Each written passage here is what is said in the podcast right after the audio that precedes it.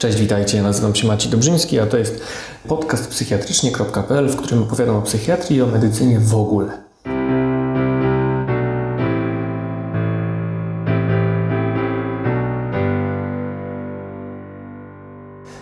Dzisiejszy odcinek to kolejny gość. Hip hip hura, nareszcie mi się udało e, złapać panią magister, specjalistę psychologii klinicznej. Pani magister Sylwia Szymańska, mam nadzieję, że już niedługo pani doktor. E, No, jak wszystko pójdzie dobrze, na razie nic nie mówmy. doktoratu, no to nic nie mówimy. W każdym razie e, współpracujemy od dwóch lat, Ponad dwóch lat, dwa i pół roku. dwa i pół roku mniej więcej. już. Wspólnie tu pracujemy w Łomży i tu w Łomży nagrywamy.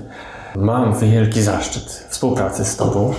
Cieszę się, że możemy razem pracować e, i możemy dużo korzystać z Twojego doświadczenia, z Twojej wiedzy. Może ewentualnie powiedz parę słów o sobie.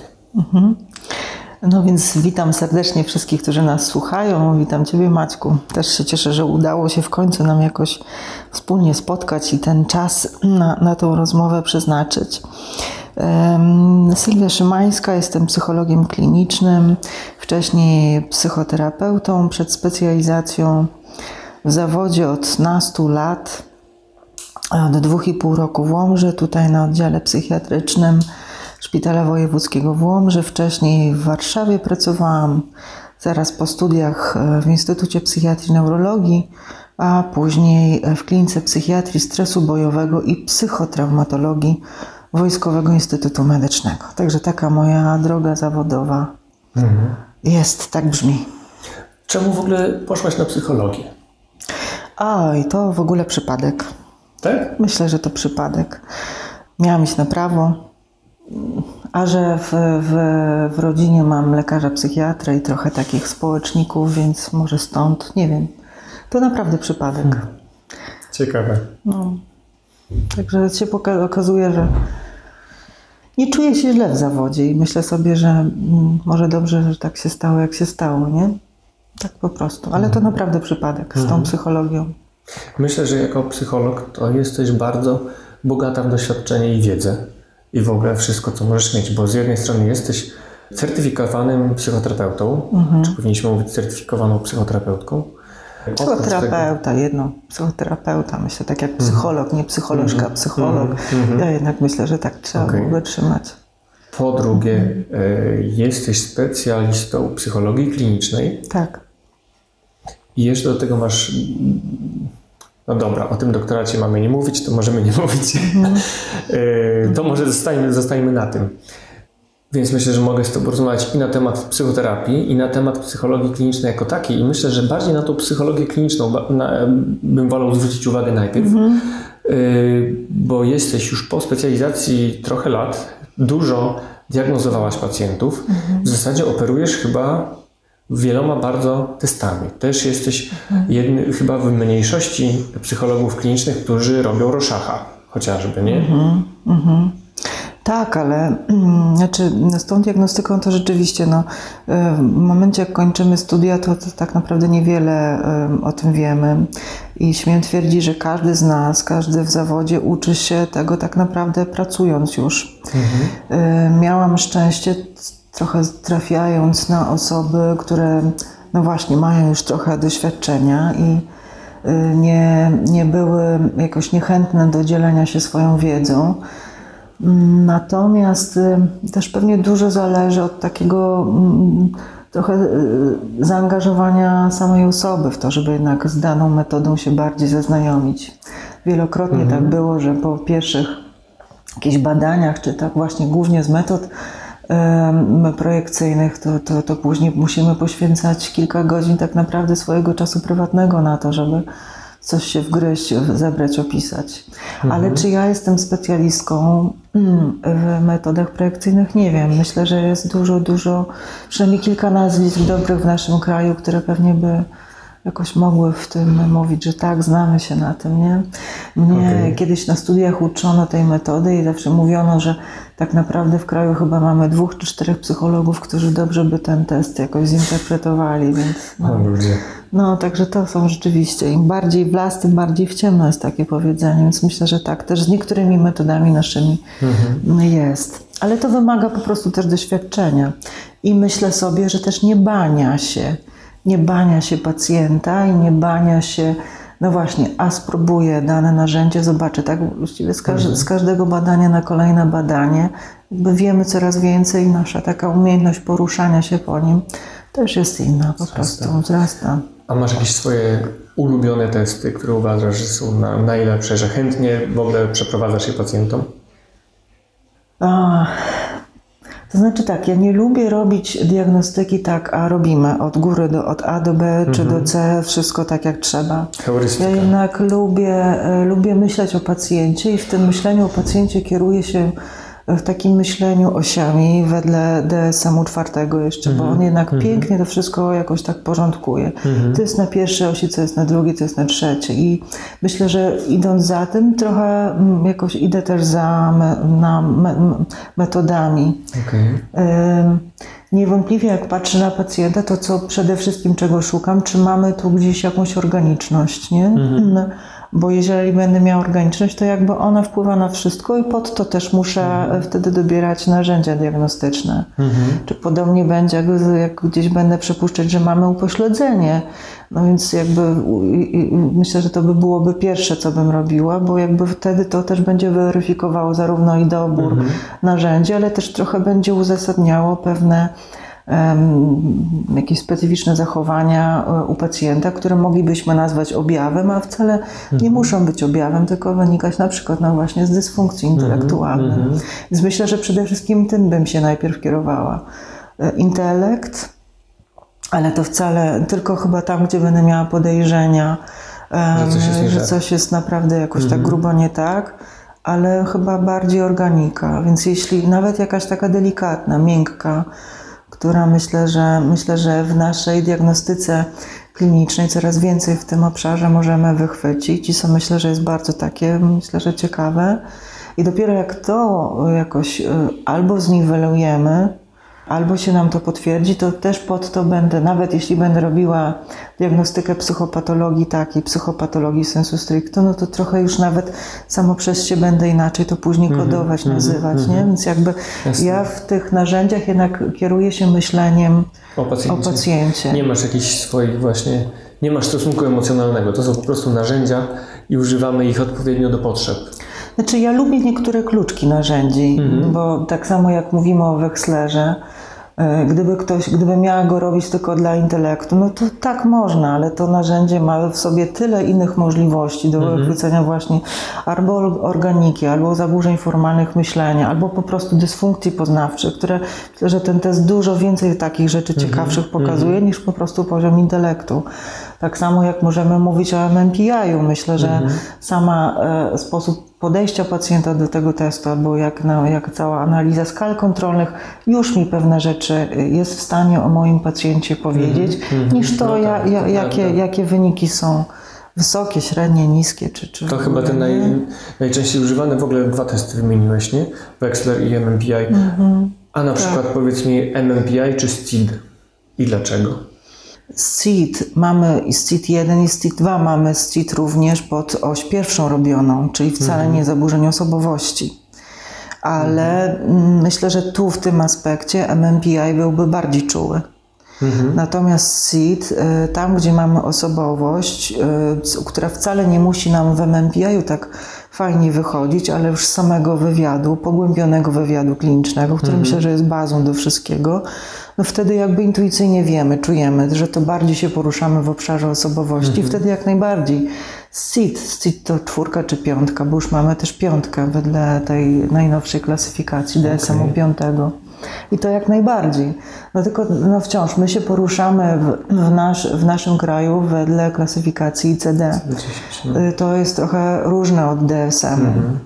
STIT mamy wedle DSM piątego, tak, czy czwartego, więc no, jedynie możemy te rozpoznania spróbować jakoś tak bardziej zobaczyć, no, mniej więcej w kierunku naszej klasyfikacji ICD, a nie jest to takie jednoznaczna przykładnia, prawda? I to też jakby też musimy o tym wiedzieć, bo bo też często e, znam psychologów, którzy robią, a bo kwestionariusz nam to pokazał, a bo test to pokazał, ale jakby to ma ni, ni, nijak się ma do też naszej obserwacji, bo cóż z tego, że ktoś e, z pacjentów rozwiąże jakiś kwestionariusz, których w naszej diagnostyce psychologów jest bardzo ich dużo, Mhm. tak? ale właściwie każdy z nas może mieć w tych kwestionariuszach różnych no, ma- maksymalne nasilenie objawów, gdzie zachowanie pacjenta, jak obserwujemy w czasie wolnym czy w rozmowie, temu przeczy. Nie? Więc jakby musimy trochę z głową też do, dobierać narzędzia. To spotkałem się z takim poglądem, że to jest e, to, czego dzisiaj brakuje wielu e, psychologom, z takim może, nie wiem, parciem na karierę naukową, e, że sporo się robi badań, jakby właśnie dobierając, sprawdzamy jakąś skalę lęku taką czy inną u pacjentów ze schizofrenią i już ktoś na tym stara się doktorat zrobić i tak dalej, gdy tak naprawdę to jest zupełnie bada- test do czego innego służący i tak naprawdę to zupełnie nieweryfik- nieweryfikowane są te wyniki. No tak, ale y, y, ostatnie, ostatnie, przecież teraz doktorat, żeby mógł w ogóle powstać, musi być potwierdzona innowacyjność badań. Więc jeśli ktoś Okej. coś robi, coś, co jest odtwórcze, no to pytanie, O jak, to się ma do innowacyjności. Więc jakby teraz w kwestiach Mój doktorat formalnych... się właśnie oddalił z 10 km na 100. No, Nie, ja nie, nie, nie planuję żadnej kariery naukowej, żeby nie było. No ale jakby to, ma, mam nadzieję, że to jakby ochroni nas wtedy przed mm, tworzeniem y, Sztuki dla sztuki. sztuki dla sztuki. Okej. A powiedz mi, e, jak to widzisz, będąc jednocześnie diagnostą i e, psychoterapeutą, na ile jedno, wiedza z jednej dziedziny pogłębia ci i pomaga pracować w drugiej i, i odwrotnie?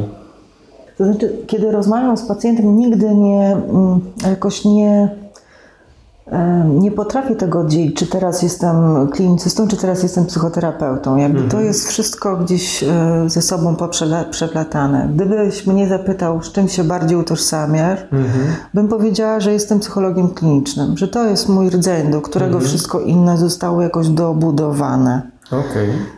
Ym, I myślę, że, że z tego czerpię też jakieś swoje bezpieczeństwo. Z wiedzy, z jakiegoś doświadczenia klinicznego, słuchania pacjenta, Okej. trochę różnicowania jego nasilenia objawów, czy to rzeczywiście jest tak dramatycznie, jak on mówi, no bo, bo wiem, że z danym zaburzeniem może być dużo trudniej, czy na przykład dużo lżej u kogoś. Okej. I myślę, że to mi też pomaga w tym. Na pewno też y, moja wiedza klinicysty sprawia, że nie we wszystko wierzę, co pacjent mi mówi. Bo po prostu, mm, no właśnie, nazywa coś, a ja wiem, że zwykle to powinno być inaczej, tak? Że brakuje tu jakiegoś, no właśnie, osiowego objawu, prawda? I myślę sobie, że jeżeli to też umiejętnie jakoś pacjentowi przekazuję, że no, że tak może to nie do końca jest tak z tą depresją u Pana tak źle, tak? O, nie ma tego, nie ma tego, potrafi Pan to, wspomniał Pan o tym, że też, jeśli to jest umiejętnie powiedziane, to też pacjent, pacjent jakoś mi ufa, że jakoś tak e, widzę to, uspokajam go, bardziej w prawdzie że tak, że nie, takie- tak, że go też nie bagatelizuję, ale też nie, E, No właśnie, mam odwagę do powiedzenia czegoś inaczej, Mhm. ale też wyciągam, że jeżeli pan chce, to możemy spróbować na to spojrzeć, prawda? Mhm. No jakoś tak, tak sobie teraz wyobrażam. Wydaje mi się, wiesz, No. y, a propos tego, co mówisz, że i psycholodzy, i e, psychiatrzy mają taką tendencję e, takiej kontry między tymi, którzy pracują tylko w szpitalu, a tymi, którzy pracują tylko w poradni, czy wręcz w swoim prywatnym gabinecie, że właśnie ci e, prywatni mają tendencję do wiary w coraz więcej, co mówi pacjent i taką tendencję na wyrost dawania zwolnień ZUS-owych, na wyrost dawania rozpoznań, w sensie pochylają się nad tym, co my byśmy, my szpitalni byśmy powiedzieli, że oni wyolbrzymiają trochę te problemy, pochylają się nad każdym tutaj objawem drobnym, gdy my pracujący e, w większości albo tylko w szpitalu mamy tendencję do bagatelizowania tych takich form mniejszych, tej takiej chociażby depresji korporacyjnej, nazwijmy to. I fajnie chyba jest mieć perspektywę z obu tych stron, nie? W sensie, że z jednej strony właśnie to, że ty, to jak mówisz, że nie do końca jakby wierzysz wszystkiemu, co pacjent mówi, bo widzimy to, jak na dziale to wygląda i też widzimy, jaka naprawdę może być ciężka depresja głęboka, której się w poradni w ogóle nie zobaczy. Y, Znaczy, zgadzam się z tym, co mówisz. Ja kiedyś pracując w Warszawie, pracowałam dużo ze stresem pourazowym i e, jak, jak Cię słucham, to przypomina mi się wypowiedź mojego byłego szefa, który mówił, że niedługo będziemy rozpoznawać PTSD już po śmierci chomika, bo to trochę właśnie to, to, to, to, o tym to mówi, że ktoś przychodzi i e, relacjonuje, owszem, zdarzenie traumatyczne i że ja mam na pewno PTSD, a mówi to w sposób tak właściwie jak ja mówię, a napiłabym się kawy, y, prawda? No więc Tak. i, i to jest niestety coś, co jest często krzywdą, bo często w gabinecie y, psycholog, psychoterapeuta, czy, czy te, po prostu nie, powie jej coś, och jej, to rzeczywiście straszna trauma. No o- może i tak, ale to wszystko zależy na kto to usłyszy i do tego, jaką dobuduje y, ideę Mhm, swoją. Więc ja, ja uważam, że z pewnymi rzeczami trzeba ra, raczej tak mieć się bardziej w swojej głowie, w swoim myśle, dokonać operacji na tym, a nie tak od razu wszystko pacjentowi też e, mówić, pokazywać, bo, bo wtedy możemy dojść do nadrozpoznawania jakichś zaburzeń, gdzie tak naprawdę wcale tak się nie, e, nie dzieje. Ale to masz rację, że często psychoterapeuci no właśnie, widzą coś bardziej przesadnie albo w jakimś takim, no w swoim takim wglądzie i w takim zlaniu się z pacjentem, tak och jej, że to jest wielka doza, doza cierpienia. No nie wiem, ja mam... Gdy czasem wystarczyło, panie ogarnij się. Może nie aż tak, nie? Prze- prze- Przesada, nie? No. Ale zadałeś mi pytanie, tak, bo ja tak y, już chyba jestem coraz starsza, bo mam jakieś ześlizgi. Wróciłam do, do tego wątku, który, o którym wspomniałeś, czy, czy to jest trudne łączyć y, w sobie psychologa klinicznego i psychoterapeutę. I zaczęłam to mówić z perspektywy tutaj pracy w oddziale em, psychiatrycznym. Wspomniałam o tym, że że kiedy trafia tutaj do mnie pacjent, to moja na przykład wiedza psychoterapeutyczna bardziej się przekłada na to, jak nawiązuję z nim kontakt terapeutyczny. Że może więcej uwagi poświęcam e, na przykład zapytaniu jego o sny i nie to jak śpi, czy śpi w ogóle, tylko no właśnie, czy, czy, czy śni i czy pamięta te sny i jakie one mają treści, jaki one mają przebieg. Albo trochę zwracam bardziej uwagę na to, no właśnie, jak jego, jak jego ciało wygląda, kiedy o czymś mówi. Zwracam bardziej uwagę może na jego no nie tyle mimikę twarzy, co gdzieś, całą gdzieś w tym gestykulację albo, albo jego, jego sposób oddychania, w tym jakby trochę poszerza mi się mój mo, może sposób trochę patrzenia na pacjenta i łączenia tego, co ja słyszę z tym, co widzę. I trochę to, co jeszcze robię z perspektywy psychoterapeuty, to próbuję to jakoś umiejętnie nazwać pacjentowi, e, prawda? Czyli jakby jako psycholog kliniczny ja sobie wyobrażam, że bardziej bym podpytywała, zbierała informacje, trochę różnicowała pewne rzeczy, jeśli chodzi o symptomatologię. Natomiast myślę, że kontakt psychoterapeutyczny, jeżeli on się w tym pojawia, to właśnie on trochę mi pomaga bardziej podążać za pacjentem na tyle, żeby on mi gdzieś w tym nie uciekł, żeby się jakoś nie zraził, nie, Okej. nie, nie, Żeby nie takim nastawił. Tak, tak, tak. Spełniasz te jakoś kryteria, tak. czy tamte kryteria, cześć. A to pomaga, Jeśli, jasne. jeśli to to, jasne. jeśli tak. No i dru- z drugiej strony, chociaż tak sobie zanotowałem, żeby Cię o to zapytać, ale już trochę o tym mówiliśmy, że też pomaga Ci to ustrzec się, w sensie jakby wychwycić dysymulację, czy też agrawację u pacjenta. Tak, ja na to jestem bardzo czuła. Myślę, że praca w wojsku mnie do tego jakoś Tak? tak, jakoś bardzo tak Że tam było wielu symulantów. Czy tam się bardzo, przy, no, generalnie, czy tam się bardzo przykładało uwagę do tego, żeby jednak mm, służby mundurowe mogą, lu, lubią, potrafią troszeczkę podążać w agrawację i trochę w nadrozpoznawanie pewnych zaburzeń z Okej. obszaru F40. Natomiast szczęśliwie pracowałam w miejscu, gdzie bardzo do tego podchodzono obiektywnie i dość surowo. I uważam, że się z tym zgadzam, bo nie chodzi o to, żeby tworzyć rencistów w kraju, a my mamy później Mhm. jakoś, jakoś utrzymywać. Znaczy, pracowałam z pacjentami, którzy albo agrawowali, ale też z takimi, którzy na przykład byli weteranami i którzy raczej chcieliby wszystko poukrywać, czyli żeby nie pokazać, że tak naprawdę rozsypuje się i nie radzę sobie. Bo gdzieś obawiali się, że to będzie negatywnie wpływało na sam przebieg służby wojskowej, albo też wynikało z tego, jak ja mam jako mężczyzna mówić o czymś, co Okej. we mnie jest takie, no, no właśnie, rozsypujące się, prawda, że jakoś, więc jakoś em, niewątpliwie po tych obszarach e, symulacji bądź e, e, bądź dysymulacji jakoś tak się poruszałam i trzeba było to jakoś umiejętnie zarówno zobaczyć i w diagnostyce, ale też no, jakoś pokierować tą rozmową, by, by tego pacjenta nie utracić.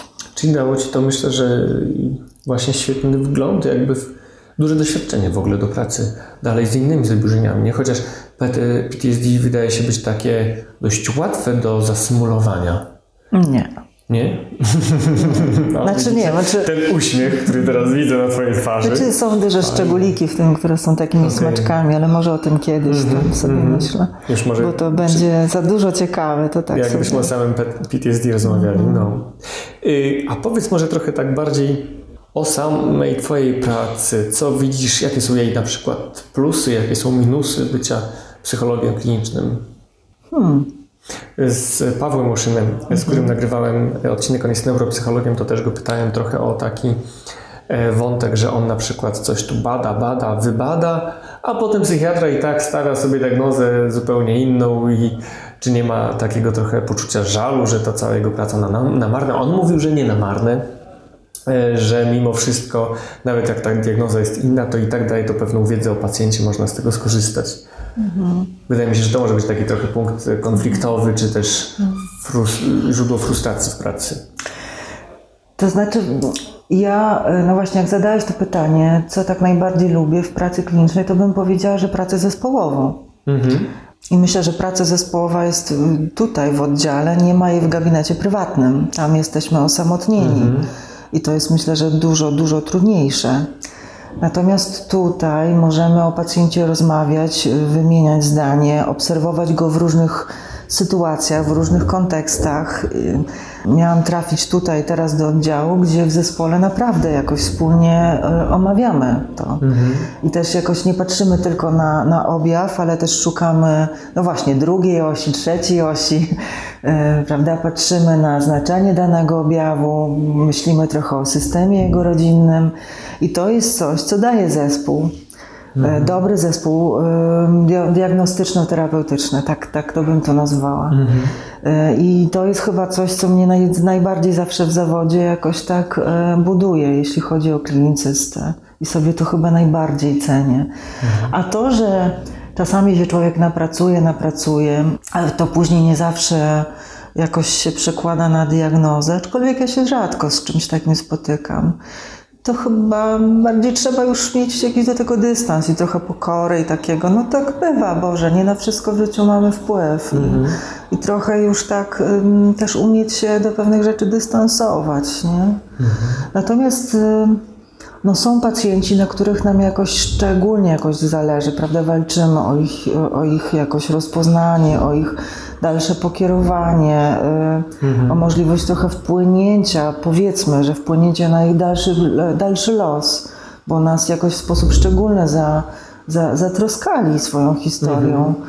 Y, I myślę, że to, że właśnie pracujemy w zespole, trochę w tym pomaga, bo, bo wiemy, że na przykład zaburzenia osobowości potrafią dzielić zespół diagnostyczny, prawda? No ale no właśnie, no to jest do tego jest cały zespół, że, że, że jakoś możemy się wspólnie w tym usłyszeć. E, Jeżeli ja jedna bym miała tylko pogląd na coś, a cały zespół odmienny, to, to trzeba byłoby się nad tym zastanawiać, dlaczego ja akurat to mam. Ale jeżeli w zespole mamy jakoś tak, to, to, to jest podzielone, no to dyskutujmy, nie? Dyskutujmy. Myślę, że też dużo zależy, to bardziej jest teraz, mówię w kontekście już lekarzy, psychiatrów, na ile, no właśnie, mają cierpliwość i czas do tego, żeby po, po, trochę zastanowić się, dlaczego mamy w zespole jakieś odmienne Zdanie. e, zdanie, bo pewnie tego trzeba szukać zarówno i w psychopatologii e, danych, na przykład zaburzeń osobowości, tak sobie myślę, prawda? E, Że to rzeczy się pewne dzieją też tak no, często nie, nie, nieświadomie, że wchodzimy w dane obszary albo odpowiedź na, na daną, nie wiem, rolę pacjenta w jakimś aspekcie jego funkcjonowania. Ale no tak, to tutaj nie, nie zawsze jest to jakoś, nie w każdym zespole terapeutycznym można trochę bardziej swobodnie o czymś takim rozmawiać. Pewnie jest to bardziej przedmiotem dyskusji, analizy, nie wiem, w oddziałach bardziej profilowanych do procesu psychoterapeutycznego, ta, tak myślę, nie, a nie może sensu stricte ogólnej psychiatrii. Okej. Bardziej mówiłaś teraz o plusach. Jakie widzisz minusy tej pracy?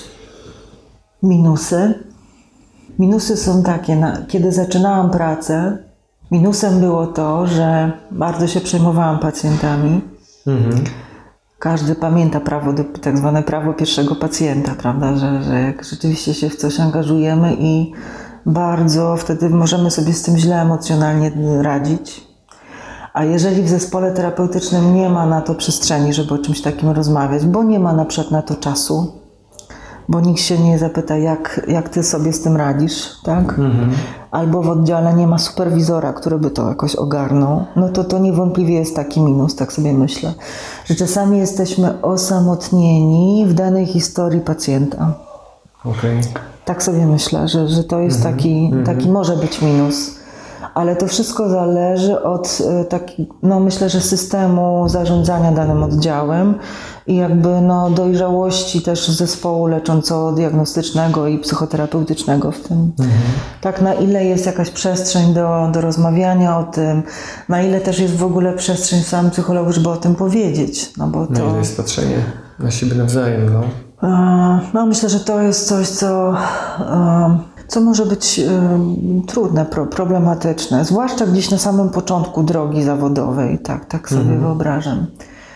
Em, Tak, to o tym myślę. No są też same jakieś warunki pracy, tak? Jak cała psychiatria gdzieś niedoinwestowana, tak też mamy warunki pracy co do BHP pracy, co do finansowania naszej pracy, ale, ale to chyba nic odkrywczego, to w całym kraju tak to, tak to wygląda. I, I trochę to się przekłada też na, na, na jakiś taki kompleks trochę nas, psychologów, nie? Że mm, samo, samo gdzieś z perspektywy, nie wiem, prawa, tak, formalnie nie ma naszego zawodu, wciąż nie ma ustawy. Co? I to jest coś, co gdzieś mi osobiście brakuje, że nie mam do czego się odwoływać.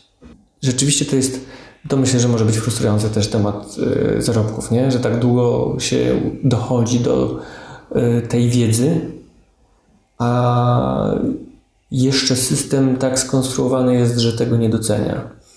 Ale rzeczywiście, tak jak mówisz, no to się wałkuje, wałkuje i nikt z tym nic nie robi. No. Jedyna chyba opcja to ucieczka w prywatę. Tylko wtedy już niekoniecznie, rzadko kiedy jest wtedy praca zespołowa, tak jak mówisz. A powiedz może z Twojej perspektywy, jak to wygląda, bo w, tutaj w Pionie Psychiatrii w Łomży e, mamy pilotażowy program Centrum Zdrowia Psychicznego. Jak z Twojej perspektywy to wygląda? Dobrze, źle, plusy, minusy, czy to warto, nie warto? Widzisz różnicę, czy, czy za dużej różnicy nie widzisz? Rzeczywiście mamy szczęście, że jesteśmy w tym centrum, bo wiem, że w kraju nie, nie, niektóre miejsca by chciały jakoś, żeby to Centrum Zdrowia Psychicznego powstało, ale nie mają całej Możliwości. możliwości tak? Mhm.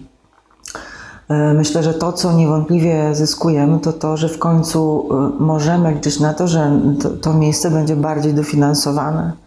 Jeżeli jeszcze się uda jakoś te pieniądze, które Centra Zdrowia Psychicznego e, no, zarabiają na siebie, będą mogły w sposób samodzielny, bardziej odpowiedzialny zarządzać i umiejętnie dobierać do, do własnych potrzeb, na, na, na własnym ogródku e, widzianych, to będzie coś, co, co będzie jakby no, wielkim trochę przełomem, jeśli chodzi o psychiatrię. Ale głównie z perspektywy finansowania. Bo tak naprawdę, jeśli chodzi o możliwości leczenia, to mam poczucie, że zmieniają się tylko nazwy, bo tak naprawdę w sposób podobny wygląda i oddział psychiatryczny, w sposób podobny wygląda oddział dzienny, poradnia zdrowia psychicznego czy zespół leczenia środowiskowego. Tak. To, co rzeczywiście u nas w Centrum Zdrowia Psychicznego się po półtory, półtora roku działalności Centrum Zdrowia Psychicznego pokazało, to niewątpliwie zwiększyła się w sposób znaczny ilość interwencji i wizyt w, w, w zespole leczenia środowiskowego. Czyli chyba tak, jak być to powinno. Formalnie powinno tak chyba wyglądać, tak? Ale jeśli chodzi o ilość hospitalizacji pacjentów w oddziale, to wygląda to w sposób podobny. W sposób podobny wygląda również praca, jeśli chodzi o poziom poradni zdrowia psychicznego.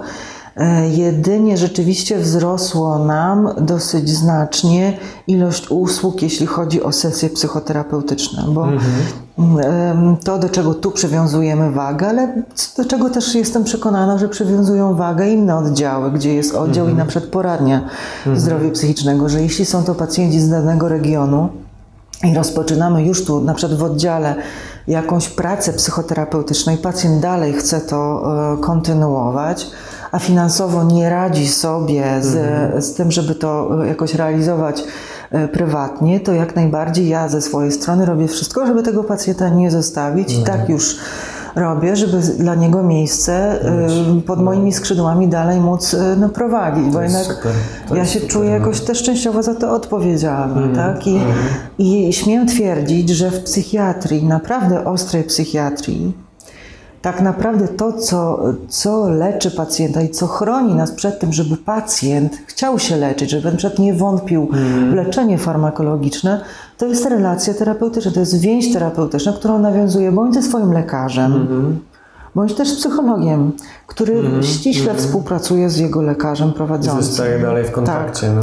Myślę, że to jest coś, co, co, co, na, na czym chyba powinna się taka ostra psychiatria opierać. I tutaj w naszym centrum tak to wygląda, ale myślę, że w każdym miejscu w kraju, gdzie jest to jakoś robione z sercem i z głową, w sposób. No, Tak to wygląda. Tak to, tak to wygląda. Już przynajmniej do tego mamy dążyć, ale to jest nic odkrywczego. Tak naprawdę. No. Mhm. Taką mam jeszcze refleksję z tego, co mówisz.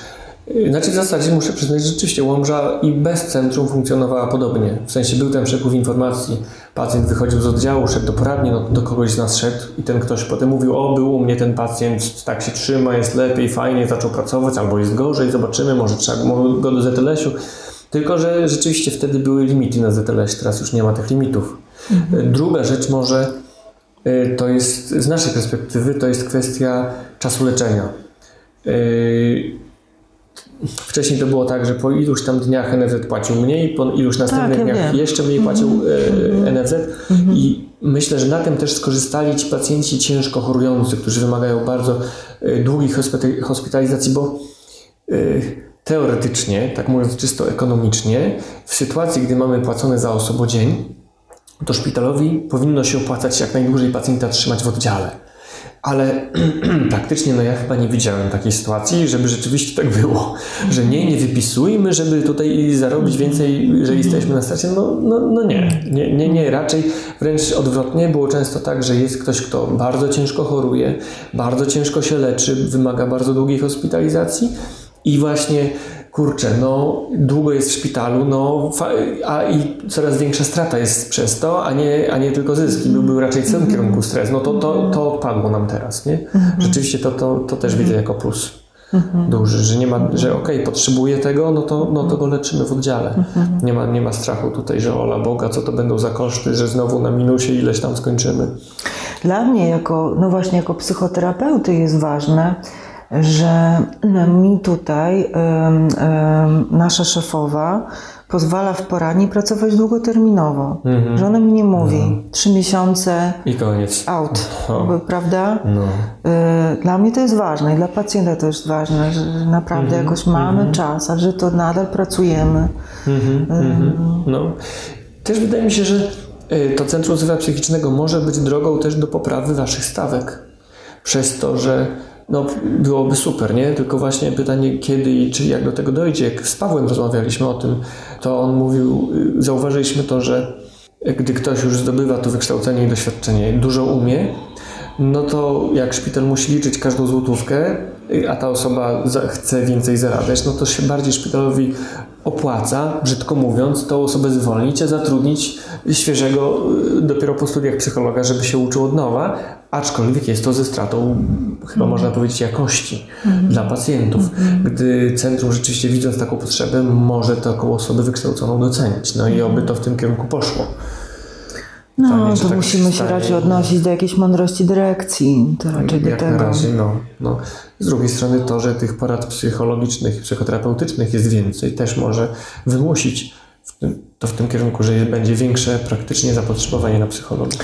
Tak, tylko ja, ja jakoś ja się osobiście źle czuję, jak na, na taki temat rozmawiam, bo jednak myślę, że każdy z, z, z moich kolegów, koleżanek ma jakiś w sobie obszar dumy zawodowej i że ja nie lubię prosić, tak?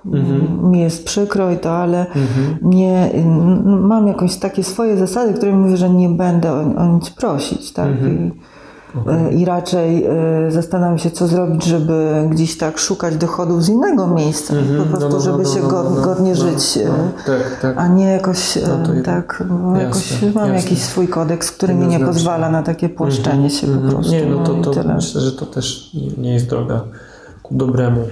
Tak, na koniec. Tego podcastu słuchają przynajmniej na teraz przede wszystkim psychiatrzy w trakcie specjalizacji. Co byś im doradziła jako psycholog kliniczny z dużym doświadczeniem? Co byś takiego chciała może powiedzieć? Słuchajcie, róbcie bardziej tak, a mniej tak. Albo wy tacy, owacy. Czy jest coś Znaczy, ja, ja jako do psychiatrów w trakcie Tak, tak, specjalizacji, Tak, tak, tak, Ja mam wielki szacunek do lekarzy, więc tak zawsze mam trochę swoje, gdzieś znam swoje miejsce w strukturze, w hierarchii, więc jakoś. E, natomiast bym powiedziała może coś takiego, że żeby jeśli zle, zle, zlecają lekarze diagnostykę, to żeby nie było to robione, to a dla, dla formalności proszę zrobić to, to, to. Zawsze ja się zastanawiam, co to ma dać. Mhm. Co ma nam to pokazać? Dlaczego ja mam robić Wexlera? Mhm. Czyli wydaje mi się, Tak. że to jest zaburzenie osobowości. Czy mogłaby Pani pokontynuować diagnostykę w kierunku Tak. zaburzenia osobowości? Tak, albo różnicowania jakiegoś, to żeby, żeby też, żeby nie narzucać nam narzędzi, bo też już o takich historiach słyszałam, tak? Mhm. E, Zrobi Pani bo- Wexlera i będzie po sprawie. Tak, tak. Nie? Albo no właśnie tu proszę MMPI, gdzie tak naprawdę jestem przekonana, że ten pacjent nie, nie współpracuje, nie jest z nami szczery przez ten cały czas, jak patrzymy Że i że wyjdzie albo dysymulacja i agravacja i- Mhm. okej, ja jestem podporządkowana, znam swoje miejsce, okej, zrobię to, ale ale cóż z tego, poświęcę na to y, Mhm. y, czas y, i nic z tego nie wyniknie. Więc y, y, raczej ja bym na to zwróciła uwagę, żeby jakoś tak, no właśnie, nie narzucać diagnostyki, ale też umiejętnie trochę y, wierzyć, że jeżeli psycholog kliniczny z jakimś naprawdę doświadczeniem powie, panie doktorze, ale tu coś takiego gdzieś jest, nie wiem, popatrzmy na to, zwróćmy na to uwagę, że być może to nic nie znaczy, ale jak pan myśli, co to może, tak? Gdzieś jakoś, żeby to jakoś razem dalej y, drążyć. Słuchać się nawzajem. Słuchać się nawzajem, tak, słuchać się nawzajem. I też mm, to się, ja się z tym spotkałam też już jakby z psychiatrami e, z dużym doświadczeniem, Mhm. że okej, diagnostyka, no bo NFZ wymaga, to trzeba Mhm. Mhm. opisać e, w systemie, żeby było, natomiast nie przekłada się to później e, też często na, na jakieś wnioski końcowe czy na rozpoznanie, więc to rzeczywiście wtedy może mieć poczucie, no okej, no ale to, to po co to było? To zróbmy pięciominutowy test zamiast 5 godzin na pacjenta. No, no. Wtedy, no. Hmm. To, to jedynie na, na takie, na, to- na to zwracam uwagę. Mhm. I żeby też nie bać się, nie bać się rozmawiać w zespole. I też ym, zarówno jak i psycholog, tak i psychiatra, dziś, dziś jak pracuję tu z wami, to wiem, że każdy ma swoje gdzieś odczucia, refleksje, też potrafimy jakoś to odnieść do jakiegoś momentu naszego życia. Jesteśmy na, jesteście tutaj na to otwarci jako lekarze. Natomiast pracowałam z różnymi lekarzami, którzy w żaden sposób jakby taką próbę poszerzenia e, patrzenia na pacjenta w trochę w innym, szerszym systemie jego funkcjonowania, jego życia, to to było nie, nie. Nie, nie, ja to tak e, objaw, lek, dawka, tyle. Koniec. Mhm. I koniec. I to może być, myślę, że ze stratą zarówno dla, dla nas, dla zespołu, dla atmosfery w zespole, ale też no, klasycznie pewnie dla pacjenta. Jeszcze mam pomysł na Tak. jeden wątek, o ile będziesz chciała na ten Tak. temat rozmawiać, bo jesteś dla mnie bardzo chlubnym wyjątkiem od reguły. W sensie to, co ja widzę, e, to taki, nie wiem, czy można to tak powiedzieć, ale odpływ ludzi e, z wykształceniem wysokim, z dużą wiedzą, doświadczeniem właśnie z takich miejsc, jak chociażby Łomża. Miasto już nie wojewódzkie, I, ale to w zasadzie jest w kierunku, nie wiem, Nowego Jorku czy, czy Brukseli, czy, czy czegoś, to, to dotyczy wszystkich miast, tylko w innym stopniu, nie? I przyznam, że myślę, że bardzo to, że jesteś tutaj, wnosisz tutaj bardzo dużo, y, również nie wiem, czy można tak to powiedzieć, jakości, ale i swojego doświadczenia i wiedzy. I myślę, że to jest bardzo dobre dla Łomżyńskiego Centrum Zdrowia Psychicznego. O. Czasem mnie nachodzą takie refleksje właśnie, e, jak widzę, jak ciężko jest chociażby psychiatrę ściągnąć tu kogokolwiek jeszcze, żeby tu pracował, ale widzę, że to się dzieje w zasadzie wszędzie. Że z miasta 100 tysięcznego do miasta półmilionowego, z półmilionowego do milionowego ludzie wyjeżdżają ciągle do tych większych ośrodków. Cieszę się, że y, ty jednak y, zdecydowałaś się wrócić z Warszawy tutaj. No Pytanie, tak, czy w tak ogóle się cokolwiek my możemy z tym zrobić, żeby ta Polska była trochę bardziej rozwinięta w zrównoważony sposób, a nie tylko z takim pikiem w Warszawie, ewentualnie Poznań, nie wiem, Wrocław czy Trójmiasto, dalej by no, w psychiatrii to Kraków oczywiście jest ośrodkiem wielkim, Tak, nie? tak. Żeby to było trochę bardziej zrównoważone, żeby również te mniejsze ośrodki mogły się poszczycić tym, że mają super fachowców, Mhm. super doświadczonych, żeby ci ludzie nie chcieli uciekać. Wydaje mi się, że rodzina jest taką rzeczą, która może ludzi przyciągnąć do powrotu bądź do zostania. Ewentualnie styl życia, w sensie Tak, to myślę, to, że nie trzeba tak. półtorej godziny jechać do pracy i półtorej godziny wracać z pracy. Tak, to prawda. Znaczy, y, to prawda, ja tu wróciłam i no, różne etapy jakby tej decyzji też przechodziłam i to oczywiście są straty i zyski. Natomiast y, pracy tutaj jest naprawdę dużo. I to takiej pracy, która w sumie nie odbiega niczym od tego, co, co się robi w Warszawie, bo zarówno w Warszawie pracowałam w oddziale, w, w klinice psychiatrycznej, tutaj też jest oddział psychiatryczny, może trochę inny, y, więcej pacjentów naprawdę chorych, chorych, chorych, głębokiej psychiatrii.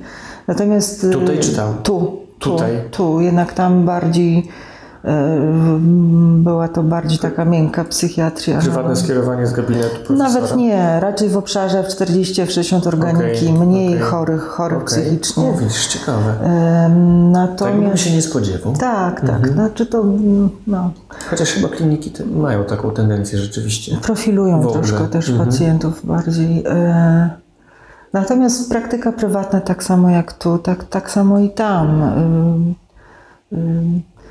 Niewątpliwie czymś, co jest na plus, to jest to, że można tu no, troszeczkę spokojniej e, żyć. Żyć. Troszkę Mhm. spokojniej żyć.